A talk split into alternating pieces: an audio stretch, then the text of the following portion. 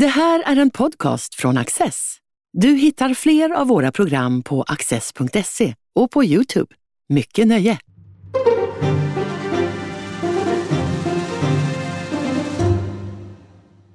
Jag står utanför Utrikespolitiska institutet i Stockholm där jag ska träffa och samtala med Björn Gerdén. Han är chef för det nationella kunskapscentret om Kina här vid UI. Och vi ska tala om den kinesiska dimensionen utav det ryska kriget i Ukraina. Hur påverkas kriget av Kina och hur påverkar Kina av kriget? Om vi ska starta med att försöka skapa lite historiskt eh, sammanhang här. Det är, Mao och kommunistpartiet tog över i Kina 1949 och sen var Sovjet och Kina goda kommunistiska kamrater ett mm. tag. Men på 60-talet så surnade de där relationerna eh, ganska rejält och det var mm. till och med stridigheter vid gränsen. Eh, mm. Eh, ja, sen går ytterligare några år, Sovjetunionen faller samman, Ryssland ärver eh, rollen och nu har ett, vad ska vi säga, mera positivt samarbete utvecklats. Det där var verkligen the condensed version. Mm. Skulle du kunna göra det lite fylligare? Ja, Kinas kommunistparti bildades i Shanghai för 101 år sedan, 1921. Eh, och redan eh, från etableringen så spelade sovjetiska rådgivare och sovjetiska pengar en väldigt viktig roll. Eh, sen fullbordades revolutionen 1949 och när Folkrepubliken Kina då bildades så gjorde man det också med sovjetisk uppbackning. En geopolitisk uppbackning men också en ekonomisk uppbackning. Mm. Och eh, eh, Kina var ju då ett krigshärjat land med en eftersatt ekonomi. Och Sovjet pumpade in eh, mycket pengar i Kina för att bygga upp Eh, den kinesiska industrin. Man skickade tusentals rådgivare till Kina för att lära upp kineserna inom alla möjliga olika sektorer. Så eh, Sovjetunionen och ryssarna spelade en väldigt viktig roll. Dels för att revolutionen kom till stånd från början, men också för att etablera Folkrepubliken Kina. Men eh, sen så började eh, förhållandet gå i en annan riktning. Eh, och det skedde egentligen redan från 50-talet. Och eh, framförallt också efter att eh, Khrushchev Eh, kom till makten i Sovjet efter Stalins död. Den kritik av Stalin då som Khrushchev förde fram i Sovjetunionen, det var ingenting Mao Zedong eh, gillade alls. Eh, och Mao Zedong hade en mer doktrinär konservativ eh, tolkning som låg närmare Stalin än det nya sovjetiska ledarskapet. Men det fanns också en maktkamp mellan de här två kommunistiska jättarna. Eh, och eh, inledningsvis fungerade för kineserna att så att säga eh, vara Sovjets lillebror. Men jag tror både Mao Zedong som person men också det kinesiska kommunistpartiet som parti och Kina som land inte riktigt var bekväma i den rollen som eh, lillebror till Sovjetunionen. Vilket ledde till att man internationellt sett eh, inom den kommunistiska världen ville ha en starkare position. Eh, man ville så att säga inte stå i skuggan bakom Sovjetunionen. Så allt det här ledde till eh, slitningar. Eh, och eh, vad man på engelska kallar den, den eh, Sino-Sovjet split, bristningen mellan de här två länderna.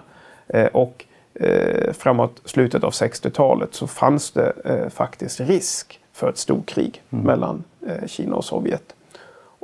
Och det som löste ut den här situationen det var ju USAs närmande till Kina. Eh, att Nixon och Kissinger reste till Peking och fick över Kina på sin sida i det kalla kriget mot Sovjetunionen. Eh, och det gav ju Kina en uppbackning som också hjälpte till att mildra de här säkerhetspolitiska spänningarna med Sovjetunionen. Men de bestod ända fram till eh, Sovjetunionens upplösning.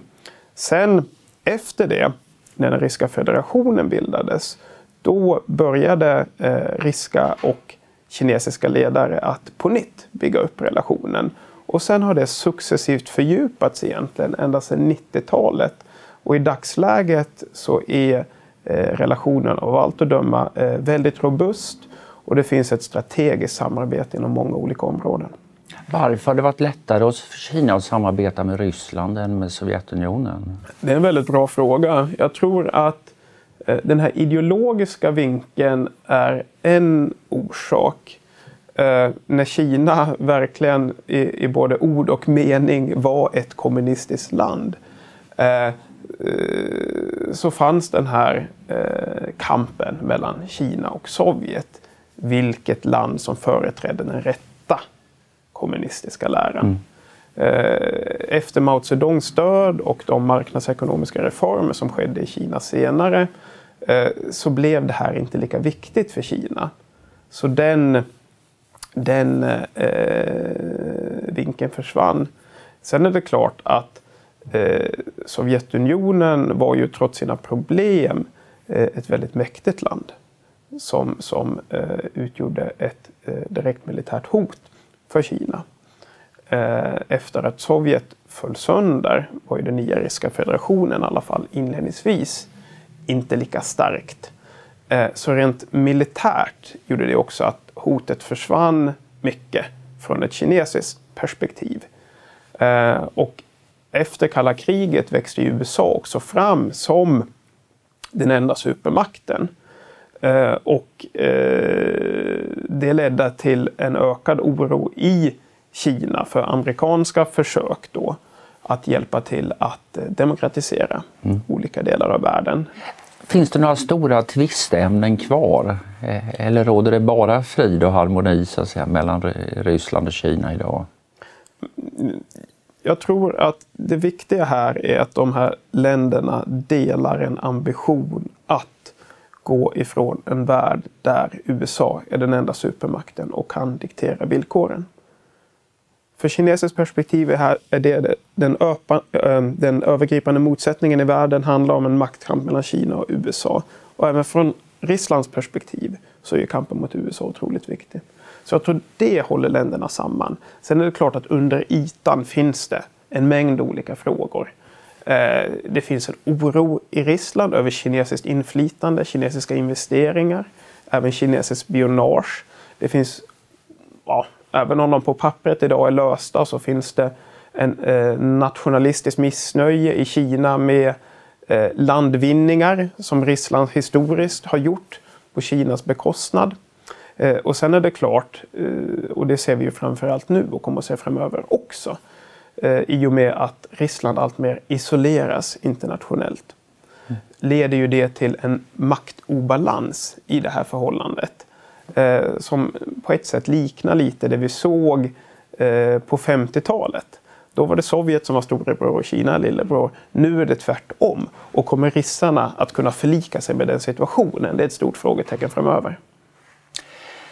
För en dryg månad sedan, då i början av 4 februari var det väl, i, i samband med vinter-OS i Peking, så träffas eh, Putin och Xi Jinping ja, ännu en gång. De har träffats väldigt många gånger eh, genom åren och eh, utfärdar en gemensam deklaration där man talar om obegränsad vänskap mm. Eh, mellan eh, länderna.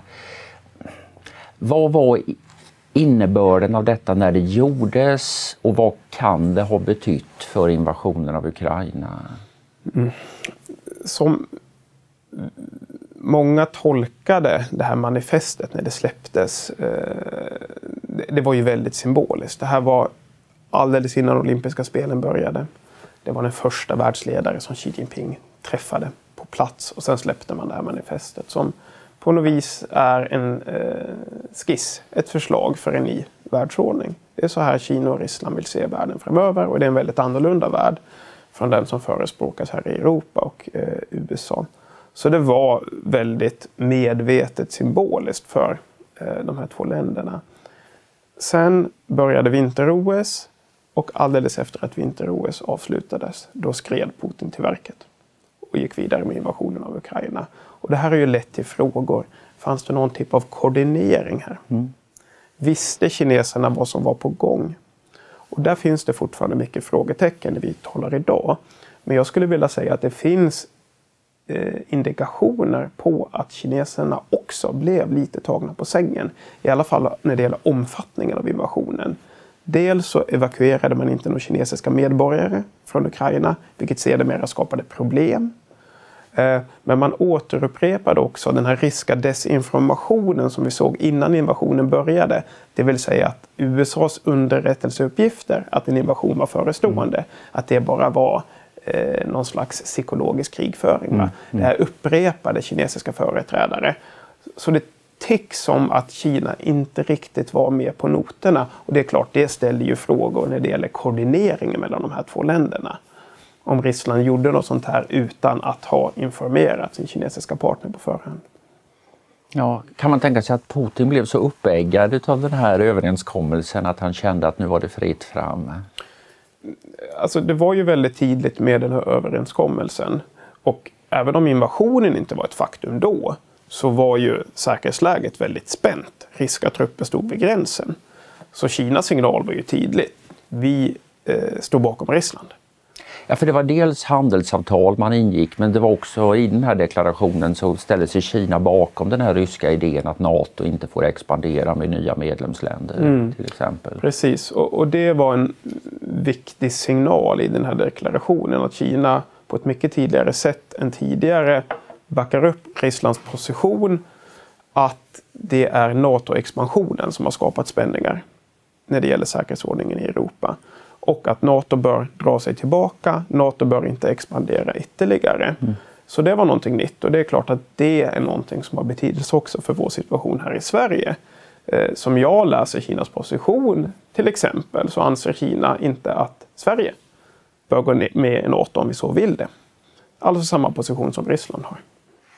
7 mars säger Kinas utrikesminister Wang Yi att det råder ett bergfast partnerskap mellan Kina och Ryssland. Man är fortfarande med på vagnen fast två veckor har pågått av invasionen. Mm. Redan nästa dag säger Xi Jinping att han känner oro och djup smärta mm. över vad som händer. Hur ska man tolka de här båda budskapen? Ja, det visar ju lite på Kinas dilemma här. Eh, jag tror verkligen det är som Wang Yi säger, att relationen är bergfast. Kina kommer inte att backa. Kinas position när det gäller stödet för Ryssland som vi sett sedan invasionen, den kommer inte att ruckas. Samtidigt verkar det som att Kina inte tycker att det här var en särskilt bra idé. Och det skapar mer och mer problem. Det leder till osäkerhet i världsordningen. Det kan stärka USAs position, det kan stärka den transatlantiska länken. Och allt det här är saker som inte gynnar Kinas intressen. Så, så jag tror att Kinas ledare är uppriktiga när man säger att man vill ha fred. Samtidigt såklart som man inte benämner det som en invasion, man kritiserar inte Ryssland och man skyller den här situationen, som man kallar det, på USA och säger att det är NATO-expansionen som ligger bakom det här. Vad vet vi om de rysk-kinesiska relationerna och hur täta de är? När en västledare som Macron eller Olaf Scholz mm. eller idag eh, president Niinistö i Finland ska tala med eh, Putin, då blir det stora rubriker. Det är allmänt känt, nyheten sprids. Men hur är det med Xi Jinping och Putin? Är de liksom på telefon eh, mest varenda dag eller hur? Hur ser det där ut? Ja, vi vet i alla fall att de har träffats väldigt ofta och de har talat med varandra väldigt ofta. Eh, och båda har ju varit ledare för sina länder nu under en lång tid. Eh, så eh, det finns en nära relation där. Sen vilken typ av förtroende som finns mellan de här länderna, det är mer oklart. Och även vilken typ av koordinering som finns. Det tycks som att det viktiga för de här två länderna är att aldrig gå emot varandra aldrig motsätta sig det andra landets agerande. Och det ser vi nu till exempel att Kina säger inte ett ord av kritik mot Ryssland. Men det betyder ju inte att de alltid koordinerar sitt mm. agerande. Så jag tror inte man ska jämföra det här nära partnerskapet med en typ av allians där ledare på förhand nödvändigtvis tar in den andras åsikter om agerande. Jag tror att eh, synen som finns i både Peking och Moskva är att Kina agerar som man vill i sitt närområde och Ryssland agerar som man mm. vill i sitt närområde. Så länge det inte alltför direkt motsätter den andres intressen. Vad får eh, den eh, hyggligt välinformerade, så gott det är möjligt, och medelkinesen idag veta om kriget? Eh, ja, propagandaapparaten i Kina eh, har gått på högvarv sedan kriget började och även censurapparaten. Eh, och kritik mot Ryssland tillåts inte i eh, media. Eh, man beskriver det inte heller som ett krig. Man använder Rysslands språkbruk och talar om att det är en, eh, en eh, ja, begränsad militär operation. Man visar väldigt sällan bilder på de civilas lidande.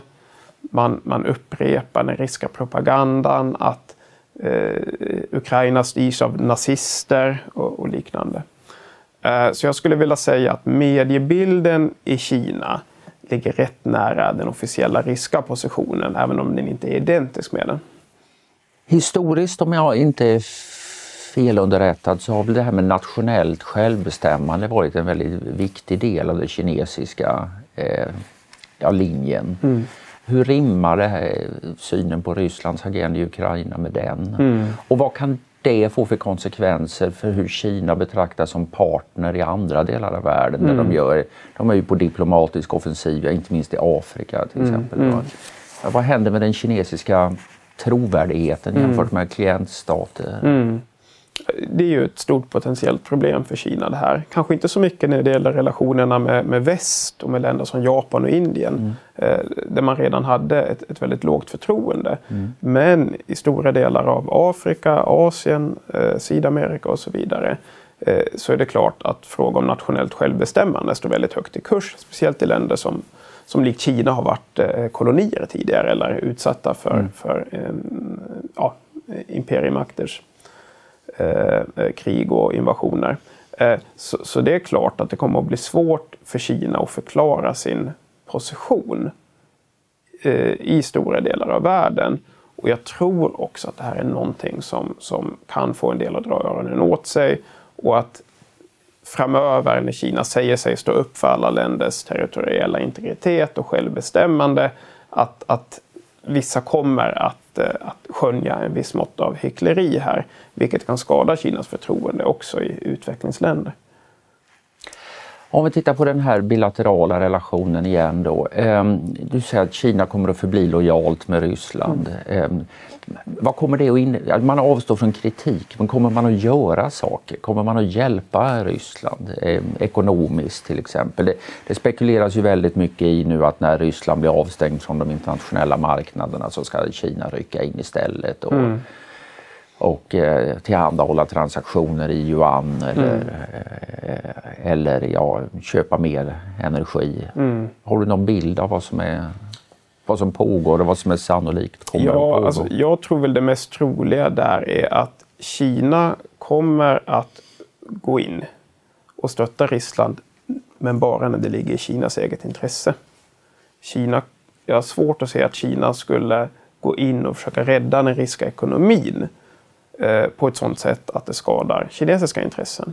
Och det är klart att för Kina så är det mycket viktigare att bibehålla handelsrelationer och tillgång till finansiella relationer med, med väst än det är med Ryssland.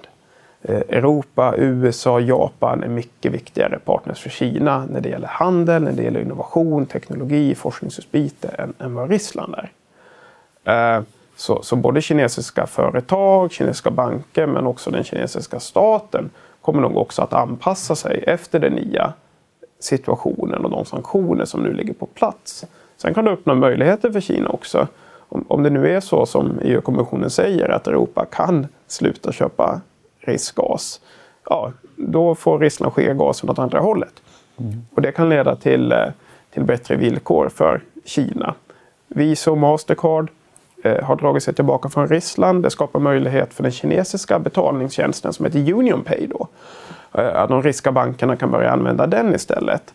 Eh, och att många utländska företag drar sig tillbaka från Ryssland eller västerländska företag. Ja, men då kanske i vissa fall kinesiska företag kan gå in. Men, men jag tror inte att Kina och kinesiska aktörer eh, ser det som någon slags plikt att stötta Ryssland här. Utan man agerar nog främst efter ja, krassa eh, ekonomiska egenintressen. Vad är det som gynnar oss? Vad är det som gynnar Kina? Hur är det med vapen? Kina köper ryska vapen. Köper Ryssland kinesiska vapen? Det är främst att Kina köper ryska vapen. Eh, och eh, ja, vapenexporten till eh, den ryska vapenexporten till, till Kina är rätt betydande. Eh, och, och, det är klart som situationen ser ut nu att det kan ge Kina ett bättre förhandlingsläge. Eftersom det har funnits en viss försiktighet tidigare i Ryssland att exportera allt för avancerade vapensystem till Kina. Nu när Ryssland blir allt mer isolerat kan Kina då förmå ryssarna att eh, rucka lite på den inställningen. Eh, så maktbalansen i förhållandet kommer av allt att döma att ändras till Kinas favör. Alltså det här att du beskrev den gamla relationen Sovjet-Kina som en så att säga storebror, lillebror eh, eh relation och eh, det får väl sägas ha ändrats liksom i, i sin motsats idag med Kina som storebror. Vill man ha den här eh, ganska bråkige lillebrodern allt för nära sig? Eh, nej, det tror jag kan skapa en del problem för eh, Kina. Eh, och, och, jag tror också det finns en hel del missnöje i Kina med Rysslands agerande. Även om man håller med om den här grundläggande kritiken som finns i Ryssland mot USAs roll, mot NATO-utvidgningen och så vidare. Men att man anser att, att Ryssland agerade mm, överilat. Eh, och i och med att Ryssland blir allt mer isolerat så sjunker ju också Rysslands värde för Kina mm. som, som en eh, internationell partner. Samtidigt är Ryssland fortfarande stor militärmakt. Ryssland är fortfarande en permanent medlem i FNs säkerhetsråd. Mm. Och jag tror det kanske allra viktigaste, Kinas relationer med USA är körda i botten. Eh, relationerna med Europa blir allt sämre och man har också dåliga relationer med både Indien och Japan. Så bland de stora spelarna i världen, då är det just Ryssland som står på Kinas sida. Så det är inget envägsberoende här, trots att Kina är så mycket mäktigare. Det finns fortfarande ett värde, tror jag, framöver för kineserna att hålla ryssarna nära. En effekt av den ryska invasionen har ju blivit att väst har ryckt upp sig eh, ganska kraftigt på mycket kort tid. Mm. Så att jag har visat muskler man kanske inte trodde eh, fanns. Tror du det har blivit en överraskning för Kina? Eh, ja, jag tror nog inte man hade förväntat sig både inom EU men också det transatlantiska samarbetet och styrkan i det som vi sett eh, sedan invasionen, det tror jag nog eh, delvis är en överraskning. Det innebär ju också som sagt som du säger att den transatlantiska kontakterna intensifierats så att så att säga USA återigen har fått Europa på sin radarskärm. Mm. Är det en sorts plus för Kina. Att det är då, om, om USA mm. trots allt har en begränsad mängd resurser till sitt förfogande så mm. innebär det mer Europa innebär enkelt uttryckt mindre Stilla havet, mindre Fjärran Östern mm. och att det skulle vara mm. bra för Kina. Ja, det är tvådelat det där och det är svårt att bedöma vad som gynnar eller missgynnar Kina eh, i slutändan. För precis som du säger så har ju amerikanska presidenter under många år nu identifierat eh, Asien Stilla havsregionen som den viktigaste strategiska regionen för USA. Och det handlar ju mycket om att motverka Kinas framväxt då. Eh, och också eh, initierat en ambition av att flytta allt mer fokus dit och kunna lämna över lite ansvar för Europa åt eh, de europeiska allianspartnerna. Eh, men som situationen ser ut nu eh, ställer ju det en del frågetecken. Kommer USA kunna göra det här? Och det skulle ju kunna gynna Kina då. Att USA helt enkelt inte förmår att hantera den situationen samtidigt som man då vill, vill förhindra eh, kinesiskt inflytande i eh, Asien. Men samtidigt så leder ju det här till att den transatlantiska länken stärks. Mm. Och inte bara mellan Europa och USA utan också andra viktiga partners till USA. Japan, Korea och Singapore har ju alla slutit upp bakom de här mm. sanktionerna. Mm. och det leder då till att eh, samarbetet mellan de eh, ja, mest utvecklade demokratierna i världen stärks. Och jag tror det långsiktigt kanske är ett ännu större minus för Kina då än det här eventuella plusset det kan innebära att USA måste fokusera mer på Europa nu också. Mm, intressant. Xis stora eh, paradprojekt har ju varit det här som kallas för Belt Road Initiative, mm. eller man, den nya sidenvägen säger man ofta på svenska, med eh, nya kommunikationer, inte minst direkt från Kina ända till Europa. Mm. Eh, vad betyder det här kriget för den nya sidenvägen? Ja, utifrån Ukrainas position så har ju Ukraina haft en viktig roll i sidenvägen då över den eh, euroasiatiska eh, landmassan eh, och mellan Asien och Europa. Och Kina har också haft ett intresse tidigare att utveckla relationen med Ukraina. Så det är inte att Ukraina är oviktigt för Kina på något sätt och inte heller när det gäller, när det gäller sidenvägarna. Ukraina och Kina har väl haft ganska goda relationer? Ja, ja, ja. det har de. Och det, Kina importerar en del saker från Ukraina och det finns kinesiska investeringar i Ukraina och så vidare. Så det är någonting som direkt skadar Kina då. Eh, och det är klart att, att både det faktum att det nu pågår krig i Ukraina men också att det här skapar en mycket mer osäker säkerhetssituation i hela östra Europa det är ju någonting som kan göra det svårare för Kina framöver att arbeta med de nya sidenvägarna. Det kan också skada Kinas utbyte med vissa EU-länder eh, e i Öst och Centraleuropa mm. som, som nu har fått en ännu sämre syn på Ryssland, Polen till exempel. Eh, och kommer det här att spilla över då på de här ländernas relationer med Kina? Det har funnits ett, eller det finns fortfarande det så kallade 17 plus 1-samarbetet mm. då Eh, som Litauen ju har, har, har, eh, dragit sig ur. Kan det här leda till att andra länder också kommer att dra sig ur det på sikt? Så jag tror hela den här situationen är någonting som kan, som kan skapa en hel del problem för det här sidenvägsinitiativet också framöver. En sista fråga. Taiwan. Mm. Eh, ja, man kan säga att det finns en sorts parallellitet här. Att Ryssland vill ha Ukraina, Kina vill ha Taiwan. Har detta ökat eller minskat den kinesiska eh, benägenheten att eh, invadera mm, Taiwan? Mm, mm.